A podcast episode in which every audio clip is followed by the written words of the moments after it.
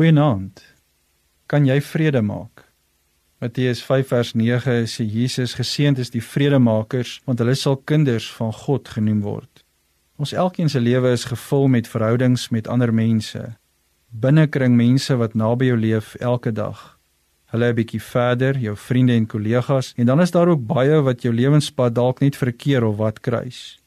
Een van die belangrikste lewensvaardighede wat jy moet aanleer wanneer jy in enige verhouding staan, is konflikhantering hoe om moeilike situasies en konflik in hierdie verhoudings te hanteer, hoe om selfs vrede te maak en hoe om 'n gebroke verhouding te herstel en te versoen.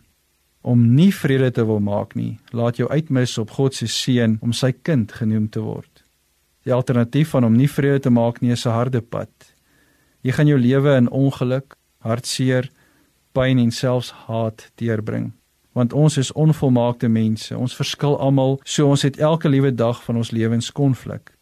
As jy van konflik gaan probeer weghardloop, gaan dit nie werk nie, want jy gaan ongelukkig bly.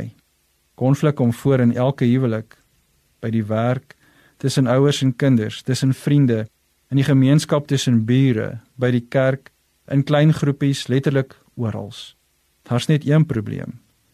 Niemand het jou geleer hoe om dit te hanteer nie. Niemand nie. Jy het dit nie by jou ouers geleer nie. Daar is nie so 'n vak soos konflikhantering op skool nie. Dan sê Jesus: Geseënd is die vredemakers, want hulle sal kinders van God genoem word. Wat 'n vreugde om te weet wanneer ek vrede soek soos Jesus, dan is ek soos die Here wil hê ek moet wees. Konflik berokken minwetend onherstelbare skade in jou lewe as jy dit nie hanteer nie.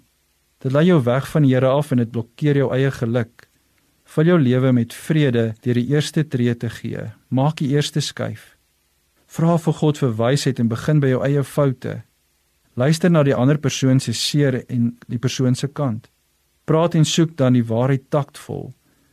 Dis nie 'n slegte gedagte om die probleem reg te maak en nie te verwyd nie. Plaas jou fokus op versoening en vrede maak en nie so seer op 'n oplossing nie. Watter verhoudings moet jy saam die Here herstel deur vrede te maak? Kan jy vergewe soos Jesus jou vergewe het? Kom ons bid.